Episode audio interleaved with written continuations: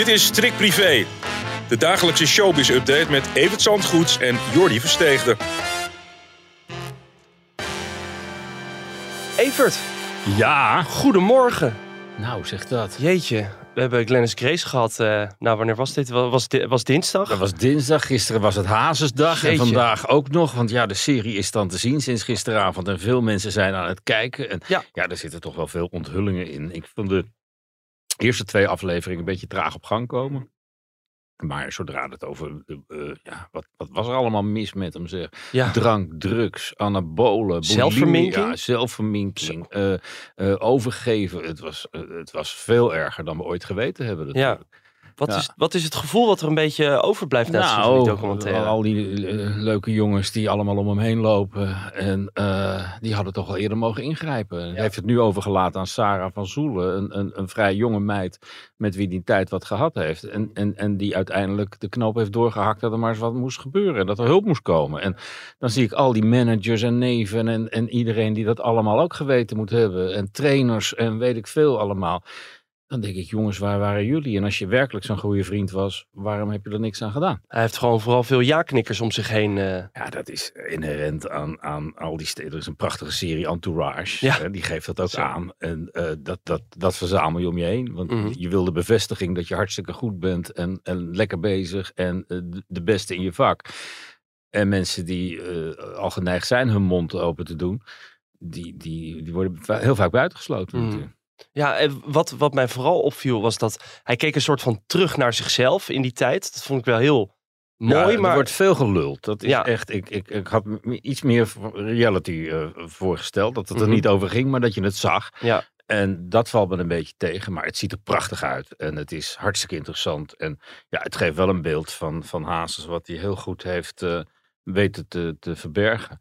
En wat ook wel heel veel overeenkomsten heeft met die geweldige film van John Appel over Mhm. zijn vader. Mhm. Zij gelooft in mij is natuurlijk ook een, een, een, ja, een eh, ontluisterend beeld van een nogal destructieve man die aan Mhm. de top stond, maar Ja. daar totaal niet meer wist om te gaan. Tot Ik heb niet zo'n waardering voor de oude hazes hoor. Ik ga niet Nee? mee in die, in die verering. Wel als waar artiest, komt dat door? maar als mens vind ik het is echt een, een verschrikkelijke man geweest. Voor Mhm. zichzelf, maar voor zijn omgeving en vooral zijn gezin Ja. is dat echt verschrikkelijk. En, eh, niet vergeten dat hij ook nog andere kinderen heeft dan, dan Rox en, en Dre. En eh, waar hij nooit echt Nou, om heeft gekeken. om heeft gekeken. Pas op het laatst ging dat een beetje goed, dat hij contact had met zijn dochter. Met zijn andere dochter.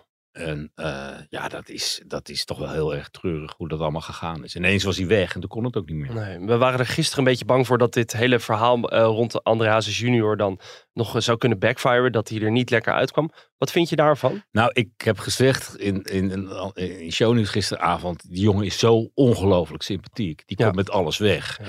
En ik denk zelfs dat als hij had lopen matten in de Jumbo, dat iedereen gezegd had van, die, die vakkenvullers zijn ook niet eh, eh, van die lievertjes. ja, ja, hij was daar dit is wel een goede Tot- vergelijking. totaal anders mee Ja. weggekomen dan Gladys Grace. Ja. En dat, dat, ik betrap er mezelf ook op. Dan zie je dat fantastische huwelijksaanzoek. Dat hij zo goed had geregeld. En nu weten we dat dat gewoon twee maanden heeft geduurd. Ja. En, en, zelfs, en dat, zelfs als Monique zit te vertellen hoeveel verdriet dat dat gedaan heeft. En dat ze het niet heeft zien aankomen. Dan, dan komt hij er toch nog wel mee weg. Ja. Ja. Terwijl het verschrikkelijk is. Ja. Dat zegt hij zelf Ja, inmiddels ook. nou die pijn had hij er willen besparen. En de bruiloft had hij er willen gunnen. Maar het, hij kon het niet. Hij kon gewoon niet die huisvader zijn. eh, Nee. De, de rol waar hij eigenlijk voor gekozen had. En ja, dat, dat kun je allemaal zien nu. Ja, ja. Nou gaat dat ook zien op Videoland, lijkt me een heel goed idee. Ja. Je begon al eventjes over Glennis Grace. Je had een mooi stuk over eh, dat haar carrière in Amerika, die kan ze wel vergeten. Ja, die kan ze vergeten. Ze heeft gewoon bekend nu wat er aan de hand is. Ja. Het Openbaar Ministerie heeft gisteren bekendgemaakt dat ze in de rechtszaal met de beelden gaan komen uit, Oh. uit die supermarkt. Ja, dan, dan kan het niet anders dan dat er een voordeel in volgt. Mhm. En, en zeker die zo al gezegd heeft, een, een duw in het gezicht, een klap was het later. Ja, daar gaat wel iets op volgen natuurlijk. Mhm. Ze komt daar niet zonder kleerscheuren vanaf. En dan kom je Amerika niet meer in. Nee. En dat is zo doodzonde, want ze was zo dichtbij een geweldige carrière. En ze had daar veel ambitieuzer mee om moeten gaan. Want ze kans moeten grijpen toen ze eh die finale van, van America's Got Talent haalde. En toen heeft ze gekozen voor een totaal verkeerd managementbureau. Dat was de eerste fout.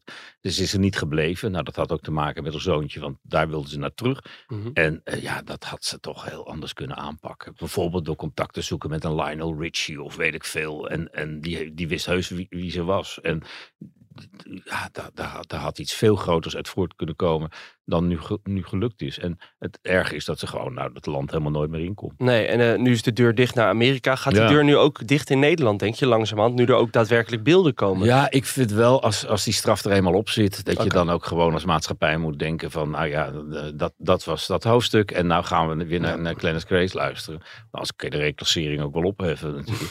maar het is, eh, ja, het, het wordt nog wel een zware periode voor haar. Want Ja. ik denk niet dat ze er ook met een taakstraf vanaf gaat komen. Waarom denk je dat Nou eigenlijk? ja, die bedreiging zit erbij. En als dat allemaal wordt, wordt bewezen geacht, dan is het, is het wel een zwaar vergrijp Ja. geweest wat zich daar heeft afgespeeld. En als je dan in een uitzending gaat zitten doen alsof er niets is voorgevallen, behalve een duw in het gezicht. Ja, En dan blijkt weg. dadelijk uit die video dat er toch nog wel wat meer is gebeurd. Ja, dan gelooft zo'n rechter ook helemaal niks meer. Nee, nee, precies. Tot slot wil ik het heel graag met je hebben over Mike de Boer. Want dat was een opvallend moment in het perfecte plaatje gisteravond. Het ging om een selfie in de jaren 20. De, de Roaring Twenties moesten ze een selfie maken. Hij scheerde zijn baard af. En ik heb die foto gezien en ik kreeg gewoon kippenvel. Want? Nou, omdat hij zei, hij had een pistool in zijn mond en hij zei van ja, in de jaren twintig was homoacceptatie nog niet zo, ja, dat was er gewoon toen nog niet zo. En eh, hij had het gevoel dat dat eigenlijk nog steeds een issue is. Ja, nou in de jaren twintig van de vorige eeuw was het Ja. juist wel een eh, geaccepteerd gegeven. Vooral. Mhm. in steden als Berlijn en Parijs en zo. Maar hij heeft daar laatst een, eh, een, een, een, een treurige ervaring op gedaan toen hij bespuugd is in een supermarkt. Ja. En eh, ja, dat is iets wat een enorme impact op hem heeft. En ja, het is een, een, een, een lieve man Mhm. die, die, die niet helemaal voor het geluk geboren is, geloof ik. Maar een, ja, ik, ik, ik vind, ik vind het, het verhaal interessant, maar Ja. ik, ik kan er verder weinig van zeggen. Hij ervaart het zo dat het eh, nog steeds een enorme burden is. Mhm. En dat is een heel persoonlijk verhaal. Ja, nou mooi dat je dat dan wel op televisie kan zeggen. We moeten nog even één iemand feliciteren. Ja, 67 jaar. Robert en Brink. ja ongelooflijk eigenlijk. Hè? 67, maar ja, dat, dat kan ook niet anders. Want hij was al eh 30 jaar bezig met, eh, met All You Need Is Love. En Ja. dat deed hij niet op zijn twintigste. Dus, nee, eh. Ja, 67, groot gezin, een gelukkige man denk ik. Heeft een reputatie dat hij vrij lastig is om mee te werken. Oh. Maar ja, ik, ik, als ik hem interviewde vroeger veel, dan eh, moest ik altijd wel om hem lachen. En het is een, iemand die eh, best openhartig is en geniet van zijn succes. Wat hem ook gegund is, want hij werkt er hard voor. En ik denk dat we allemaal weer uitkijken naar zijn kerstuitzending. Daar zal hij nu al wel weer mee bezig zijn. Ja, absoluut. Ik ben benieuwd eh, wie er herenigd wordt en hoe het mooi het in beeld gaat zijn en welke stewardess er allemaal gaan dansen. ja, dat is natuurlijk waar ook. Hè? All you need is love. Daarom, daarom. Evert, ik ga je hartelijk danken. Ik hoop dat het morgen iets rustiger is dan de afgelopen dagen. nou, ik- ja, nou, ik vind het wel prima eigenlijk. Ja, Goed zo. Nou, een De fijne dag. Roaring Twenties. Ja, daarom, daarom. Fijne dag. Tot morgen.